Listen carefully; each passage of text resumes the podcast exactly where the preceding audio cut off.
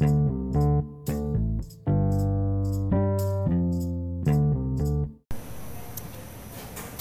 semuanya, balik lagi nih di ngobrolin karir bareng Erin. Nih episode yang sekarang seru banget, gue nggak sendirian, ada berapa orang ya? ngacu ngacu, ngacu juga nggak kelihatan ya. 10 jari ada beberapa teman gue, teman sama-sama dulu berkecimpung di dunia HR, punya background beda-beda di sini, ya nggak? Yes. Yes. Yes, nah ngomong cuy, exactly. Correct. Backgroundnya beda-beda, tapi kita em, banyak apa ya? naik turun bareng-bareng lah ya. Apa naik turun lift bareng-bareng. Ngantri lift eskalator gitu cina maksudnya. Ya, nah ini kebetulan lagi ketemu bareng halal di halal dan pengen ngobrolin sesuatu yang lagi fenomenal banget. Mungkin beberapa dari dari kalian pernah sempat baca ada Twitter atau ada Instagram terkait tentang salary. Ada salary yang di blow up, ada salary yang disebarluaskan eh, tentang orang-orang, gaji ya terutama. Nah, ini teman-teman HR gue ini juga udah sering sering malah nanyain salary orang-orang kayaknya. Kerjaan lo bukan ada hari. sih ya, sampai apal di kepalanya udah mana-mana apa nah kan udah paling apa salarinya orang-orang tanpa perlu di blow up aja udah tahu tapi kita as an HR udah tahu bahwa kita nggak mungkin nge blow up itu nah Betul. Ini sebenarnya pengen coba ngegali aja lah sudut pandang lain. Sebenarnya kalau kita sebagai orang HR melihat ada fenomena seperti ini apa sih pandangan lo terhadap ketika si salarinya diobrol-obrolin? Ini by the way kita ada tiga orang ya. Ada dua orang cowok satu orang cewek eh dua orang cewek juga. Dua orang cuy. Termasuk gue. Yang nama-namanya tidak bisa disebutkan. Sebut saja bunga. Sebut saja Bu- bunga kemudian apa lagi mawar melati harum lah ya. Tapi bisa dikenali dari suara. Nah, kalau ada yang kenal ya pasti kenal suaranya. Ya udah paling itu siapa yang mau mulai duluan nih? Kira-kira tadi kan gue udah sempat brief dikit banyak sekarang fenomena yang terjadi. Itu orang ada untuk demi konten viral itu mengeluarkan eh, nanyain salary-nya orang-orang. Terus orang-orang juga dengan nggak mungkin sukarela ya mereka juga akhirnya menyampaikan salary-nya mereka saat ini berapa kerjaannya apa dan di perusahaan apa. Itu dikeluarkan tuh what do you think tentang fenomena yang seperti ini Monggo siapa dulu nih? ini nggak pakai. Ladies first, ladies first, ladies first. lu mah selalu ladies first ya Iya dong. Apa ya? Ramah. Hmm, kalau menurut gue sih sebenarnya kayak tujuannya itu apa kan mau nge mau ngeviralin ataupun ngeblow up dari salarinya itu gitu. Kalau misalnya kayak eh, mungkin biar jago-jagoan gitu ataupun mungkin dia ngerasa supaya company lain bisa eh, nggak nggak track dia gitu untuk mencari dia terus mau dibayar tinggi. Justru menurut gue malah jadi loss di dia gitu kan begitu sebenarnya dia actually punya kompetensi yang sangat bagus let's say gitu. Malah kam- eh, company lain lihat eh, misalnya dia salary-nya udah terlalu tinggi too much gitu. Tapi dia kompetensinya bagus. Bisa jadi akhirnya si perusahaannya itu malah eh, nggak jadi nyari dia karena dia harganya udah terlalu tinggi gitu kan. Malah perusahaan lain akan jadinya mencari seseorang yang kompetensinya sama tapi mungkin bisa di hire eh, untuk eh, apa namanya salary yang nggak setinggi dia gitu dia kan jadinya loss gitu nggak bisa bergaining lebih tinggi lagi menurut gue sih jadinya ya buat apa ini ini juga buat ini buat si orangnya yang buat si orang yang mengeluarkan betul, salary dia gitu. sendiri Ah, oke. Padahal kompetensi dia memang sebenarnya bagus gitu. Dia Hmm. mungkin bisa pindah ke mana lah perusahaan ABCD gitu. Tapi begitu si ABCD itu ngeliat, aduh nggak deh mungkin terlalu tinggi let's say gitu. Terus dia lost uh, Di chance itu opportunity itu gitu kan. Sehingga masuknya dari orang lain kan sayang buat dia sebenarnya. Dengan dia memblow up Dengan dia memblow sendiri. up sendiri gitu. Iya iya, iya. nyambung dari situ kalau kalau gue lihat juga ada dua perspektif kan dari si orang yang uh, mengekspos gajinya dia sama company atau mungkin siapa lah institusi yang memang mengencourage Yes. mereka untuk memblow up. Kalau gue lihat pertama dari dari si orangnya dulu. Kalau gue analogikan itu seperti ibaratnya nih orang mau PDKT tapi udah udah buka-bukaan di awal. Jadinya we lost the the excitement ketika misalnya lo mau interview di tempat orang karena ah lo udah tahu segitu harganya gitu loh. You know ini yang kan? biasa nego sih biasanya ya jadi ibaratnya gregetnya itu udah hilang karena dari awal oke udah ketahuan uh, apa price tag lo sekian bisa Yes. jadi uh, bet- betul tadi kata lo uh, ketika udah tahu harganya sekian malah jadinya tidak tertarik. Plus juga menurut gua dengan kita memblow up uh, price kita di awal atau gaji kita di awal itu sebetulnya jadi burden buat kalian sendiri. Kenapa? Karena uh, lo harus mempertanggungjawabkan price yang lo blow up lo gitu loh. Karena let's say uh, gaji lo let's say 20 juta gitu. Terus ketika misalnya lo ketemu sama interviewer dari perusahaan lain ternyata kompetisi cuma segitu doang. Jadi kan sebetulnya itu sebetulnya yang harus eh, ya let's figure out nantilah di di later eh, stage gitu dari Hmm. instead of dari awal. Kayak gitu sih kalau gue lihat dari dari kacamata eh, si personnya. Hmm. sama satu lagi dari dari sisi institusinya menurut gua ya jujur gua juga nggak tahu itu faedahnya apa maksudnya apa gitu. Entah naikin jumlah followernya dia juga bisa jadi. Cuman menurut gua sebetulnya ada tanggung jawab moral yang harus dia dia apa ya dia dia sadari gitu dengan dia melakukan inisiatif tersebut jadinya dia bisa jadi em, apa ya eh, eh, membuat misconception terkait dengan eh, reward atau remuneration structure yang yang dibuat oleh eh, perusahaan-perusahaan tersebut. Karena eh, kita tahu bikin salary structure itu gak gampang. Pertimbangannya Correct. banyak ya kan? Di- Dari hati bu. dari hati. Dilihat dari industrinya kemudian dilihat dari sisi uh, people-nya dan dari sisi people itu juga kan kita lihat ada 3P ya Uh, pay for person people, person, sama performance, Performance. gitu. Yang tadi ya? Yang tadi baru belajar. Baru belajar jadi, gue. Jadi position sebetulnya one lu tadi bilang people person people position performance Iya itu. itu. Ketahuan baru belajar. Nah, Anyway. jadi intinya adalah salary structure atau salary apa range itu bukan sesuatu yang eh, dibuat secara instan, tapi sebetulnya filosofinya dalam, kemudian pertimbangannya juga cukup banyak. Jadi rasanya terlalu eh, terlalu disayangkan kalau misalnya lo lo blow up, lo ibaratnya kayak kayak lo sale gitu. Karena bisa jadi eh, orang-orang yang mend- mendapatkan informasi tersebut eh, nggak nggak punya pemahaman sejauh itu. Jadi dia ngerasa oh oke misalnya perusahaan X gajinya sekian, wah gede banget. Eh, Gua ngelamar ke sana ah gitu Ya, ya. padahal bisa jadi misalnya dia nggak punya kompetensi untuk ke arah sana atau misalnya emang industrinya apa ya industrinya lagi lagi hijau Bagus. banget nih Hmm. misalnya dan lo nggak bisa compare sama perusahaan lain misalnya yang udah lebih stagnan atau misalnya lebih stabil gitu so you cannot really compare apple to apple in term Mhm. of salary karena faktornya banyak sekali lah dan kalau gue lihat mungkin mohon maaf mak masyarakat Indonesia mungkin belum se-mature itu gitu Untuk menangkap informasi, Informasi yang se- sevulgar itu. sevulgar itu ya tanpa apalagi informasinya terbatas banget kayak lo kerja di mana sebagai apa gaji berapa udah that's it padahal banyak parameternya Betul. gitu ya. Hmm. lo ngomong dong yang paling bontot Oke gini, kalau gua mungkin ngebahasnya eh, dua hal. Yang pertama eh, mungkin lebih ke arah eh, apa sih tujuan orang itu eh, ngeblow up gaji gaji dia atau gaji orang lain di suatu company gitu ya. Sama yang kedua eh, mungkin eh, bagaimana kita sebagai orang yang di luar itu yang melihat eh, dari dari dari sisi kacamata di luar eh, menanggapi hal ini gitu. Yang pertama mungkin contoh kayak di Indonesia itu eh, semua orang kayaknya udah punya cara kreatif ya kreatif masing-masing buat menaikkan eh, followersnya dia terus eh, bikin sesuatu yang dia bikin jadi viral gitu jangankan blow up masalah gaji kadang saya ngelihat di video berapa sih harga outfit lo ketika lo nontonnya nggak sih? Kayak gitu YouTuber banget ya? faedah banget gak sih gitu ya? tapi itu buat mem- membanding-bandingkan hidup orang jadi betul ya. banget gitu kayak eh, apa sih eh, maknanya yang gue harus lihat ini baju gue sekian baju gue sekian. Tapi ternyata orang zaman sekarang gitu em, melakukan segala cara untuk membuat dirinya menjadi viral gitu. Mungkin karena dia pengen apa ya yang bisa gue angkat ya oh mungkin gue bisa angkat gaji gue nih karena gaji gue mungkin fenomenal mungkin kayak gitu makanya dia terlintasnya kepikiran seperti itu tapi kita mungkin lebih baik sih eh, kalau menurut gua lebih mengedukasi juga gitu. Kalau misalkan ada orang yang eh, memviralkan itu eh, eh tahu nggak video ini dia ngeblow up gajinya dia loh segitu. Harusnya kita juga kasih edukasi sih. Ini kan masalah sekarang apakah kita suka atau nggak suka dari video yang dia bikin. Ya kalau saya sih jujur ya to the point aja saya ambil langkah nggak suka. Saya kurang apresiasi. Kenapa? Kadang orang kerja itu nggak hanya dilihat materi. Saya pernah ngobrol sama eh, ya ini mu- mungkin nggak apple apple banget ya, tapi menurut gua saya dan dia sama-sama bekerja gitu. Saya pernah ngobrol sama eh, tukang jaga parkir di SMA saya waktu itu. Dari dulu gua SMA sampai sekarang udah 10 tahun berlalu dia masih ada.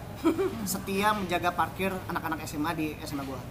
Gua tanya dia padahal lulusan S1 terus kalau mungkin kerja bisa di eh, kantor mana gitu ya yang gajinya mungkin nggak nggak sekecil dia kalau misalnya jadi penjaga parkir. Tapi satu hal yang saya eh, dapat dari dia yang mungkin nancep banget gitu ya sampai sampai sekarang kadang orang nggak harus dilihat dari uang.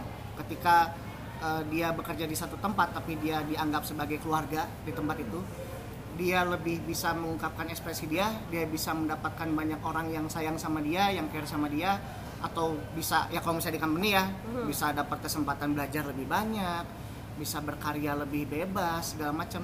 Kadang digajinya seberapa pun orang nggak masalah gitu. Nah kadang kita harus kasih tahu ke orang-orang ke ke apalagi yang memviralkan gitu ya wah kita bisa milih berdasarkan video orang ini nih. Makin gede berarti makin oke. Belum tentu gitu. Kadang ada yang gajinya di beberapa company gede gitu dengan benefit segala macam tapi lu bisa bikin apa di situ? Udah segala ada orang-orangnya rata-rata senior. Sekali duduk paling kerjaan kita kalau nggak ngedit nodin cuma eh, ini doang buat nyusun meeting atau bikin mom kita udah kuliah sampai S2 gitu ya. Hello cuma Iya, iya, ngedit iya. nodin gitu ya. Ya, nah ada yang kayak gitu. Gua nggak usah sebutin apalah ya. Nah tapi ada yang mungkin gaji nggak seberapa. Kayak teman gua dia di NGO kerjaan lu ngapain? Kerjaan gua cuma eh, gimana caranya gua bisa meningkatkan taraf eh, kesejahteraan di warga Papua. Lu digaji nggak? Digaji buat makan sama buat tidur. Ya kira-kira 5 juta lah per bulan. Let's say gitu ya 5 juta gitu. Oh oke gitu. Dibanding semua orang-orang misalnya ngeliat wah Oh, gajinya dua kali lipat ya? ya gua. Set- lima kali lipat gua. Lima kali lipat gua. Nah, ternyata eh, kok mau sih sampai rela jauh sama keluarga? Nggak nggak seberapa tapi karena gua ngelihat gua puas men kerja kayak gini. Gue bisa ngelihat orang Papua yang biasanya nggak nggak nggak bisa jualan nggak bisa belajar nggak bisa jalan karena nggak ada nggak ada aksesnya apa ternyata dia bisa. Dan eh, mereka seneng happy. Menurut gue gue cukup men. Eh, duit tuh kayak udah nggak kepikiran sama gue nah sometimes orang-orang di Indonesia tuh perlu dikasih eh, pemahaman seperti itu gitu Ya, ya, terlepas ada. dari ya orang mau bikin viral ya. Ya even sampai baju pun juga dibahas gitu. Baju lo berapa gitu kan. Ya, ya. itu Nah, ya itu kan berarti sebenarnya bisa jadi kayak potensi orang untuk membanding-bandingkan jadi Correct. kan. Dibandingin punyanya dia dibandingin sama apa yang didapetin orang lain. Kad- yang dia dapetin gak seberapa ujung-ujungnya dia cuma ngejar apa yang didapetin orang lain. Padahal oleh teman kita. Eh sorry. Nama nama gue Wicak. Lu salah ngomong. Nah oke. Nah paling terus em, ini ada ada tadi yang menarik tuh yang people position and Performance. performance. Ini mungkin banyak dari pendengarnya gue ya nih ya pendengar ngobrolin karir with Erin ini yang nggak tahu tuh apaan sih. Emang salary structure itu dinilai berdasarkan hal itu. Kalau misalkan kita bisa breakdown nih ya. Mungkin ada ahli-ahlinya di sini breakdown yang paling dasar itu yang misalkan apa sih? Sebenarnya dilihat dari position dulu function dulu. Oke nanti layer berikutnya gaji lo bisa tinggi atau bisa rendah dari function itu dilihat misalkan dari pe- personnya people-nya gitu. Dia ada di capability yang di mana entry level atau high level. Setelah itu baru dilihat performance-nya. Apakah kayak gitu atau gimana? Hmm, kalau menurut gue sih sebenarnya itu berjalan seri, nggak ada yang paralel ya mana yang lebih dulu. Cuman eh, kalau gue itu selalu berpegang adalah ketika lo di, digaji, dibayar, dikasih be- eh, manfaat atau apa pun lah itu bekerja perusahaan itu pasti karena lo punya kompetensi yang dianggap perusahaan itu sangat penting gitu. Jadi memang basically kalau eh, kalau gue ya secara pribadi gitu kan gue secara daily activity adalah gue banyak ngover gitu misalnya. Pasti yang gue lihat adalah nih orang ini emang kompeti apa ya secara competitiveness gitu kompetensinya nih match gak sih gitu. Dengan posisi yang memang dibutuhkan. Makanya memang harus jalannya seri gitu kan. Ketika memang untuk posisi A dia kompetensinya itu match gitu ya gue akan akan eh, akan legowo gitu untuk eh, taruh dia di salary structure range yang mana kayak gitu. Jadi eh, pada dasarnya sebuah salary structure itu menurut gue pasti eh, akan akan dibuat oleh oleh semua orang yang bikin salary structure itu pasti terkait dengan tiga hal itu akan seri gitu. Dia akan lihat salary structure ini akan bisa memenuhi kompetensi yang apa-apa aja gitu. Akan bisa memenuhi posisi yang sampai posisi setinggi apa gitu.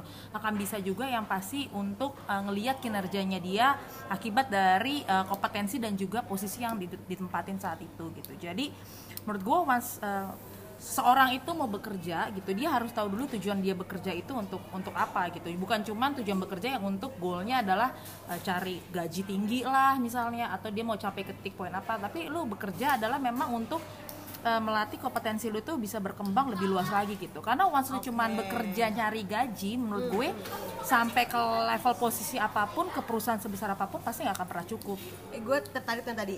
Lo yang lo kerja adalah si kompetensi Si lo kompetensi itu Jadi, iya yang harus justru si gaji growing akan gitu. ngikutin, Ngikutin gitu ketika justru. kompetensi lo udah Betul, makin gitu. luas Ah, makin karena kan- skill lo makin makin Ah, advance ah, gitu ya. betul gitu. Kalau kalau kompetensinya nggak grow into your maximum uh, potential gitu ya pasti lo akan di hire mau di perusahaan segede apa pun sekecil apa pun ya gitu-gitu aja gitu. Hmm. balik lagi ya mungkin kayak uh, apa ya misalnya ya kayak, kayak tadi lah mungkin contohnya tukang parkir itu terlepas dari memang passionnya dia untuk situ gitu. Tapi kalau memang dia kompetensinya cuma bisanya di tukang parkir mau dia di tukang parkir perusahaan sekelas multinasional apa pun ya namanya juga pasti kompetensi di tukang parkir ya dia nggak akan mungkin naik jadi resepsionis gitu. Let's say kan.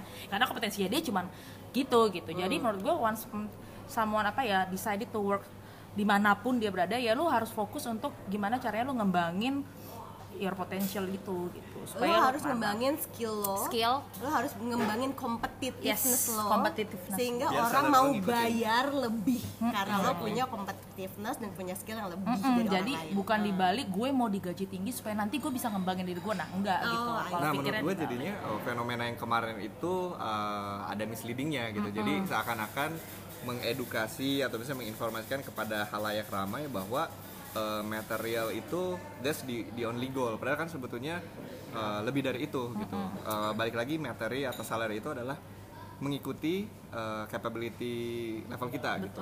Dan uh, gua melihat sih dan menurut gua uh, variasi orang itu banyak sekali ya. Ada ada orang yang memang mengejar materi, which is fine, that's fair enough gitu. Tapi ada juga kok yang yang nyari tadi kompetensi, aktualisasi diri, lingkungan kerja yang menarik. Jadi sebetulnya eh, agak disayangkan kalau misalnya sampai ada fenomena yang kemarin itu jadi seakan-akan mendrive semua orang untuk eh, salary oriented. Padahal sebetulnya nggak semua orang tuh kayak gitu. Nah, eh, sama satu lagi mungkin kalau udah boleh pesan-pesan oh belum ya belum. boleh aja sih boleh boleh boleh nggak apa-apa nggak yang ngasih pesan boleh boleh. Gak apa-apa nanti di belakangnya aja. Eh, gini, kalau misalnya gue coba memposisikan diri sebagai orang yang ikutan mem- apa ya, membuka oh, gitu ya. sendiri. Hmm. Mungkin bisa jadi eh, punya harapan pengen tahu harga gue di pasar itu berapa. Bisa jadi gitu. Well, sebetulnya di ujung juga kalian nggak nggak dapet juga kan positioning kalian ada di range top mid atau low gitu. Kalau saran gua, eh, instead of kalian misalnya ngeblow up eh, salary kalian sendiri, cobain aja eh, apa rekrutmen proses di tempat lain untuk eh, Hmm. Tes pasar. tes pasar, bener. Ngecek eh, apa harga lo dalam tanda petik, plus juga capability lo itu udah sampai mana sih? Jangan-jangan bisa jadi lo itu overpaid lo atau atau underpaid. Underpaid. Ya, karena menurut gua itu jadinya lebih lebih dapat jawaban apa yang lo cari sebenarnya. Jadi gimana company lain menilai, nge-value capability lo Yup. gitu. Siapa tahu sebenarnya capability lo dinilai sebenarnya jauh lebih tinggi dari rekan Yes, yes, atau benar. kebalikannya. Atau kebalikan. betul betul ya mungkin tambahan dari gua sih eh, mungkin ini khusus banget buat teman-teman yang mungkin fresh grade ya yang mungkin baru lulus gitu ya Bapak mau kasih pesan pak? Iya, saya boleh. dosen di jadi mungkin kalau misalkan yang orang udah eh, lama jadi profesional dia udah tahu persis dia kompetensinya di mana kapabilitasnya di mana ya mungkin yang teman-teman saya yang yang tadi eh, pas lah masukannya gitu buat yang fresh grade ya mungkin dia bingung juga sebaiknya saya kerja di tempat seperti apa sih sebaiknya apa sih yang saya kerja ketika, ketika saya eh, melamar ke suatu tempat eh, perusahaan gitu ya? Jangan sampai jangan sampai banget kalian hanya mengcompare masalah materi aja gitu. Nanti ujung-ujungnya ya udah yang yang saya lihat adalah gapok gapok gapok gapoknya gitu. Gapoknya segini gapok segini yang paling tinggi berarti itu yang paling bagus. Sorry, gapok apa kak? maksudnya gaplok gaplok gaplok. Maksudnya pokoknya eh, uang yang diterima setiap bulannya itulah. ya gaji pokok. Misalnya gajinya segini gajinya segini gaji segini jadi hanya materi. Padahal mungkin yang bisa di compare ya mungkin ya salah satu mungkin teman-teman yang lain di sini juga bisa nambahin lah.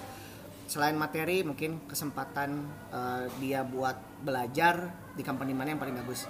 Kesempatan dia buat bisa ngasih karya di mana yang paling memungkinkan gitu. Dan juga eh, lingkungannya, culture-nya, culture seperti apa yang kalian mau. Kalau misalkan kalian gak suka yang terlalu heboh apa apa ya udah pilihlah gitu lah, yang gak terlalu heboh gitu. Tapi kalau misalkan yang gak suka orang yang kaku, yang kerja di tempat kubikal apa, padahal di tempat kubikal mungkin gajinya bisa sampai berkali-kali lipat. Tapi kalau misalkan kamu gak suka, ujung-ujungnya kamu akan tersiksa gitu. Hmm. dan ujung-ujungnya yang paling saya ngelihat banyak itu banyak yang kerja di tempat yang hmm, bagus well set up tapi karena dia nggak suka dia membohongi dirinya gitu ya. Sehingga ujung-ujungnya stres ujungnya ke kesehatan bro gitu. Ya jadi banyak orang yang sakit cuma gara-gara ya dia mengcompare sesuatu yang bukan yang dia suka gitu. Makanya kembali lagi sih mungkin ya ini aja ya nggak nggak nggak nggak masukan lah cuma ini aja saran gitu, sharing-sharing mungkin know your limit lah ya Baiknya gitu. know your Se- limit. Sebenarnya Ah. sebenarnya boleh lah nyobain beberapa perusahaan Yes. dan biar tahu rasanya kayak apa, tapi Yes. harus tahu limitnya juga gitu. Limit, Mana perusahaan yang eh, justru membawa kebaikan, bukan keburukan pada diri sendiri gitu kan. betul Nah, ya you know yang limit compare banyak lah gitu. jangan hanya materi aja Sok monggo mau pesan-pesan. Udah sih sebenarnya tadi. Cobain rekrutmen proses aja Nah, teman-teman. bener-bener coba ya makanya emang tadi jangan berhenti buat nyoba juga sih bener cobain rekrutmen proses buat tes pasar bener kalau ternyata emang kamu mau nyobain kerjanya langsung cobain kerjanya juga tapi Iya. ta- know your limit gitu jangan maksain diri sampai nanti di level lo kayak udah nggak bisa hidup sehat Bener, lo udah nggak bisa nikmatin hidup itu Ya. yang paling penting Nyobain rekrutmen proses di tempat lain itu nggak nggak dosa loh. Maksudnya bukan bukan sesuatu hal yang sebetulnya tabu karena Ya. siapa tahu bos-bos kalian juga begitu. mungkin mungkin yang kita kira mungkin lebih loyal gitu mereka udah ke mana-mana artinya artinya uh, ini adalah practices yang sebetulnya normal gitu. Ya. Semua orang melakukan itu kok, tenang Ya. aja. Jadi uh, don't worry, jangan jangan merasa kalau misalnya kalian uh, nyobain proses di tempat lain itu jadi kayaknya mengkhianati perusahaan kalian. Enggak, itu enggak, sama sekali enggak kok. Gitu. Iya. Oh sama tadi satu lagi uh, yang uh, lo bilang ke teman-teman fresh graduate, sarannya apa tadi? Ya, jangan cuma jangan lihat hanya compare doang dari materi, Materi. aja Uh, uh, mungkin ini ter- terdengar klise gitu ya, terdengar ah lu textbook banget gitu, Hmm. terdengar uh, sangat apa uh, mengacu pada teori Maslow yang tingkat apa needs dan segala macam. Uh, but trust me, uh, dan gue works. iklan bohong iya makanya karena gue gue merasakan juga ketika gue jadi fresh graduate, uh, fresh graduate ketika pengen kerja pengen gaji, karena selama ini dikasih biaya sama orang tua, terus setelah lulus pengen membiayai sendiri segala macam wajar kalau teman-teman jadinya uh, salary oriented Salary gitu ya. Eh, gak apa-apa itu memang menurut gue itu adalah fasenya memang Betul. tapi perlu disadari juga eh, perlu sejak dini bahwa please jangan ngelihat dari itu aja. tapi Ya. Kesempatan eh, kalian untuk mengembangkan diri kemudian berkontribusi kepada eh, perusahaan berkontribusi pada lingkungan kepada negara itu sebetulnya eh, yang nanti teman-teman di tengah jalan akan menemukan kliknya kok gitu. Mungkin kalian nggak akan dapat insightnya sekarang tapi but someday Need at some time. point eh, kalian akan ngerasain itu. Edit Iya. value-nya lah ya. Iya, betul. balik lagi tadi gue poin tadi yang gue setuju adalah instead of nyari duit bekelin diri lo lebih banyak, Banyak lagi lah, supaya potensi. supaya lo nggak tergantikan. Ya. orang lain berani bayar mahal berapapun. Justru jadinya perusahaan yang nyari lo bukan lo yang nyari perusahaan nah istilahnya. gitu. Bener banget bener banget. Sama paling ini sih mungkin kalau gue dari sisinya selalu dari anggapannya uh, orang yang menawarkan gaji ya. Maksud gue kayak fenomenal yang kayak lu nge-blow up gitu either dari sisi perusahaan lah atau dari sisi orang mungkin lebih ke orangnya gitu Uh, be careful aja gitu. Maksudnya kan setiap perusahaan pasti dia punya uh, code of conduct lah ya policy. gimana gimana pun juga kan namanya salary itu adalah uh, confidential gitu kan. Strictly confidential gitu. Even bahkan dalam satu perusahaan aja belum semua tentu semua orang tahu kecuali uh, HR team lah gitu dan CEO mungkin gitu kan jadi uh, be careful aja kayak sekarang kan sosial media atau apa pun kan kayak undang-undang ITE juga udah lumayan ketat gitu ya. Jangan pikir kayak kalian nge-blow up salary terus kalian pikir eh perusahaan gua nggak akan tahu gitu. Tapi kan maksudnya kemauan zaman kayak sekarang apa pun bisa di-track gitu kan. Jadi be careful aja ketika nge-post nge-post gitu atau nge-blow up atau ngomongin di media yang gampang di-track Eh, takutnya nanti justru kalian kena masalah dari perusahaan sendiri gitu itu kan yang jadi kayak menghancurkan trust kalian juga di perusahaan apalagi namanya perusahaan kan networkingnya luas gitu Yes. takutnya malah menghancurkan karir kalian sendiri Iya. nah betul itu kan Betul. dari sisi yang pembuat video ya sama yang buat yang nonton oh video sih juga. ini bikin konten bukan konten video. konten saya Dari tadi tapi gue belain ini dalam bentuk video IG story Iya. ya Jadi saya memang artis youtuber juga ya. kamu banyak ya artis Oh, youtuber iya iya dosen iya Iya, tukang parkir juga iya. iya Jadi buat orang yang menikmati konten itu juga gitu maksudnya. Jadi yang melihat konten seperti itu, kadang kita juga harus lebih bijak juga gitu. Karena eh, ya tadi kadang orang melakukan segala cara untuk membuat konten yang dibikin jadi viral. Eh, tapi harus lebih pintar lebih smart Nah. memfilter gitu ya Betul banget sebagai orang yang eh, menikmatinya, Menikmati. orang yang yang mendapatkan konten itu gitu. Kadang ya itu tadi bisa baju dibahas, bisa sampai dia mengcompare rumah ini kayak gimana, rumah ini gimana gitu kan. Apa pun bisa dilakukan sama orang yang ngebuat konten. Gimana cara- gimana caranya supaya jadi lebih viral. kalau misalkan kita lebih dewasa nih orang-orang yang uh, ngelihat uh, konten tersebut terus kita udah bisa uh, mencerna ini sebenarnya nggak proper akhirnya nggak viral Tuh juga orang-orang yang buat konten tuh kok gue bikin konten ini kagak direspon ya garing ya? Lama-lama dia juga akan mikir sendiri kok gitu. Justru orang itu semakin menjadi-jadi karena menjadi viral gitu. Jadi Iya. oh iya ternyata gue oke Banyak nih. gitu. ya tipikal masih tipikal orang Indonesia menikmati Iya. yang jarang jarang terekspos Yes. kan kesannya jadi menikmati lebih bijak ya bapak-bapak ibu-ibu Adik-adik, adik-adik kecil eh kakak-kakak. Gue Oke. mau nambahin Hmm, cuma boleh, kayaknya boleh. udah udah udah klimaks daripada gue nambahin jadi anti klimaks nggak udah gue aja. Lu nambahin apaan? Nggak, gue gue cuman ngomong pengen ngomong aja ke ke siapalah tadi yang pembuat konten itu Ya. instead of kalian misalnya uh, bikin uh, apa konten yang mungkin jadinya kontroversial, gue sih lebih saranin kalian itu uh, partnering aja sama Erin soalnya dia indie podcaster yang kalau gue lihat kontennya lebih bermanfaat jadi bisa ngedukasi juga masyarakat itu aja sih. Nah, itu bagus jualannya tanpa dibayar loh saudara-saudara. Udah terbiasa kayaknya ya. Ya kan? Salipannya pas banget kan? iya Baik, kita tunggu teman-teman semua bikin podcast juga masing-masing ya. Gua pengen dengerin podcastnya masing-masing. Iya, oke. Paling itu aja buat sekarang. Udah kepanasan nih. Udah kepanasan udah tutup juga kayaknya. Kita udah sampai jam berapa di sini. Thank you banget semuanya udah dengerin. Semoga bermanfaat. If any questions, feel free reach out to me to my LinkedIn atau ke Twitter akun gue erin underscore dr. Thank you. maci maci dadah